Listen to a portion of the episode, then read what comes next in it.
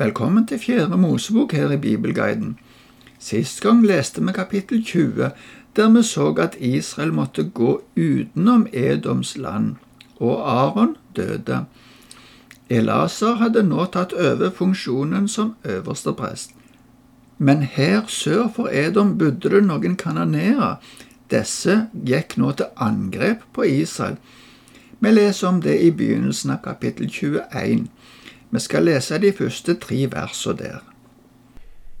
Kananerkongen som bodde i Arad i Negev, fikk høre at Israel nærmet seg på veien til Atarim.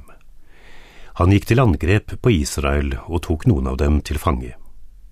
Da ga Israel dette løftet til Herren. Hvis du gir dette folket i våre hender, skal vi slå byene deres med bann og utslette dem. Herren hørte Israels bønn og ga kananeerne i deres hender og de slo kananerne og byene deres med bann og utslettet dem. Derfor ble stedet kalt Horma. Det ser ut til at det var kananeerkongen som angrep uten at han hadde blitt provosert. Denne gangen ser det ut til at Israel hadde en annen holdning til Gud enn da speiderne hadde undersøkt landet. Nå ba de til Gud med forventning om å få hjelp, og det fikk de. Denne seieren var begynnelsen på Israels triumfmarsj inn i løftets land. Men alt var likevel ikke bra hele tida. I fortsettelsen leser vi at folket ble utålmodig. Da begynte de igjen å klage. Vi skal se hvordan det gikk, og lese ifra vers 4 til 9 i kapittel 21. Så brøt de opp fra fjellet Hor og tok veien mot Sivsjøen for de ville gå utenom Edomlandet. Men på veien ble folket utålmodig og tok til orde mot Gud og mot Moses. Hvorfor førte dere oss opp fra Egypt for å dø i ørkenen? Her er det verken brød eller vann, og vi er inderlig lei av denne elendige maten. Da sendte Herren serafslanger inn blant folket. De bet israelittene, og mange av dem døde.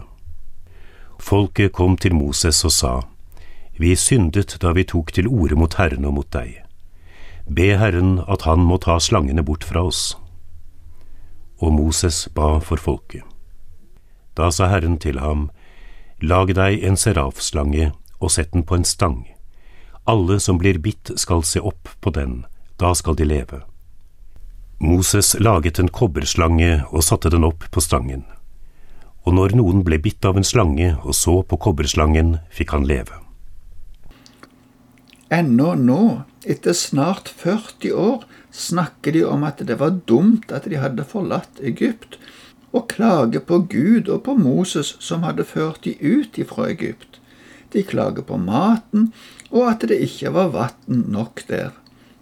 Vi skulle kanskje trodd at de nå, etter at Gud hadde hjulpet de å slå kanonerene, ville ha mer tillit til at Gud ville hjelpe de, men denne mangelen på tru og klage på hvordan han leda de, førte til at Gud måtte sende en plage som kunne få de til å tenke litt annerledes. Det er betegnende at de kaller mannen for en ussel og elendig mat. I Salme 78 og 105 kalles det henholdsvis englebrød og himmelbrød. Men da de merka hva som skjedde, ba de Moses om hjelp. De ville at han skulle be Herren om at slangene skulle bli tatt bort. Moses ba, men svaret fra Gud var annerledes. I stedet skulle Moses sette opp en slange av kobber på ei stang. Da skulle det bli slik at hvis noen var blitt bitt og så på slangen, så skulle de bli i live. I Johannes evangeliet kapittel 3 bruker Jesus denne hendelsen for å forklare at på samme måten som slangen ble reist opp, så skulle han, altså Jesus, havne på korset, og den som ser på Jesus, altså som har tillit til at Jesu død på korset kan hjelpe i vår sykdom, nemlig synden, vil bli i live. Her kunne vi snakket mye om denne teksten, men vi tar oss ikke tid til det. Men du skal vite at dette er en type profeti om Jesu gjerning. Vi fortsetter med Israels vandring. De gikk videre, og i fortsettelsen nevnes det flere plasser uten at det sies så mye om disse plassene. Men vi skal lese ifra vers 10 til 20. Israelittene brøt opp, og de slo leir ved Obot. Siden brøt de opp fra Obot og slo leir ved Ije Abarim i ørkenen øst for Moab. Derfra dro de videre og slo leir i Sereddalen. Derfra brøt de opp og slo leir på den andre siden av Arnon, i den ørkenen som strekker seg utover fra amorittenes land. Arnon danner grensen for Moab mellom Moab og amorittene. Derfor heter det i boken om Herrens kriger Vaheb i Sufa og dalene, Arnon og dalenes skråning som strekker seg ned mot Ar og støter mot grensen til Moab. Derfra dro de til Ber. Det er den brønnen hvor Herren sa til Moses, Kall folket sammen, så skal jeg gi dem vann. Da sang Israel denne sangen. Du brønn, vel opp, syng til den, brønnen som høvdinger har gravd ut, som folkets fremste menn har boret med septer og herskerstav. Fra ørkenen dro de til Matana, fra Matana til Nahaliel, fra Nahaliel til Bamot, og fra Bamot til den dalen som går gjennom Moab-høysletten, under toppen av Piskafjellet, der en kan se utover ødemarken.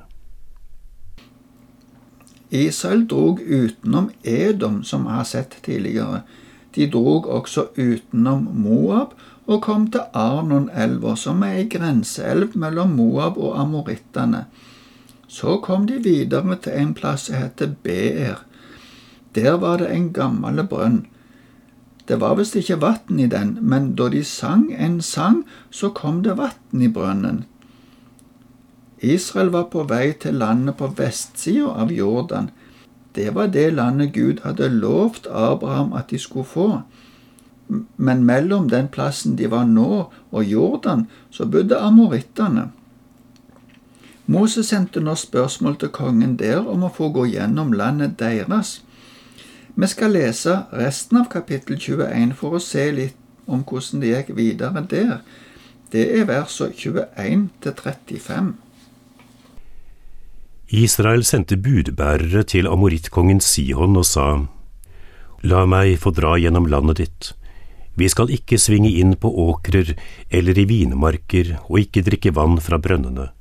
Vi skal følge kongsveien til vi er kommet gjennom landet ditt. Men Sihon ga ikke Israel lov til å dra gjennom landet sitt. Han samlet hele hæren sin og dro ut mot Israel i ørkenen.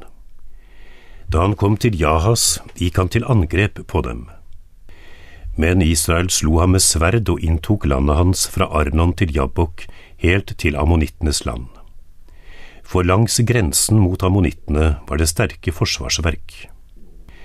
Alle disse byene tok Israel. Og Israel bosatte seg i alle amorittenes byer, i Heshbon og i alle landsbyene som hørte til. For Heshbon var amorittkongen Sihons by. Han hadde ført krig mot den forrige kongen i Moab og tatt fra ham hele landet, helt til Arnon. Derfor sier dikterne, Kom til Heshbon, bygg opp igjen byen, la den bli grunnfestet Sions by. For ild gikk ut fra Heshbon, en flamme fra Sions by, den fortærte Ar i Moab, slukte Bamot ved Arnon. Ved deg, du Moab, de er ute med deg, du Kemors folk. Han har gjort sine sønner til flyktninger, sendt døtrene som fanger til amorittkongen Sion. Vi skjøt dem ned, Hesbon ligger øde til Dibon, vi herjet helt til Nofa, som ligger ved Medeba. Nå slo Israel seg ned i amorittenes land. Moses sendte folk som skulle spionere i Jaser. De erobret byene der omkring og drev ut amorittene som bodde der. Så snudde de og dro oppover mot Basan. Da dro kong Og i Basan ut mot dem med hele sin hær, og det kom til slag ved Edrei. Da sa Herren til Moses, Vær ikke redd for ham, jeg har gitt både ham og hele hæren hans og landet hans i dine hender. Du skal gjøre det samme med ham som du gjorde med amorittkongen Sion som bodde i Heshbon. Da slo de ham og sønnene hans og hele hæren hans. Ingen overlevende ble igjen. Så inntok de landet. På samme måten som med Edom spurte Moses høflig om Israel kunne få gå gjennom landet deres. Men Sihon, kongen der, ga de ikke lov til det. I stedet samla han hele hæren sin og kom imot de for å slåss imot Israel. Men Israel slo denne hæren og ødela alle festningsverkene deres og inntok byene. Dikta som det henvises til, er nok spotteviser som var kjent på den tida. Det uttales spott imot Kemosh-folk, Kemosh, eller Kamosh som noen oversetter det, er egentlig navnet på den guden som ble tilbedt i dette området. Denne guden hadde ikke makt til å stå imot Herren, som var Israels gud. Israel vant en suveren seier og slo seg ned i byene som de beseira. Lenger nord var området Basan. Israel vendte seg imot dette området, men da kom og kongen deres mot de med hele sin hær. Israel slo også denne hæren. Disse seirene var starten på erobringen av det landet som var Guds plan at Israel skulle få. Disse seirene er med i alle seinere repetisjoner over historiefortellingene i Israel om hvordan de fikk landet sitt. Nå lå Israel i leir på østsida av Jordan. Meninga var at de skulle over til den andre sida av Jordan. Men før de kom så langt, var det mye mer som skulle skje, og resten av Fjerde Mosebok og også Femte Mosebok handler om det. Men vi får ikke med oss mer i dag. Takk for nå, og Herren velsigne deg.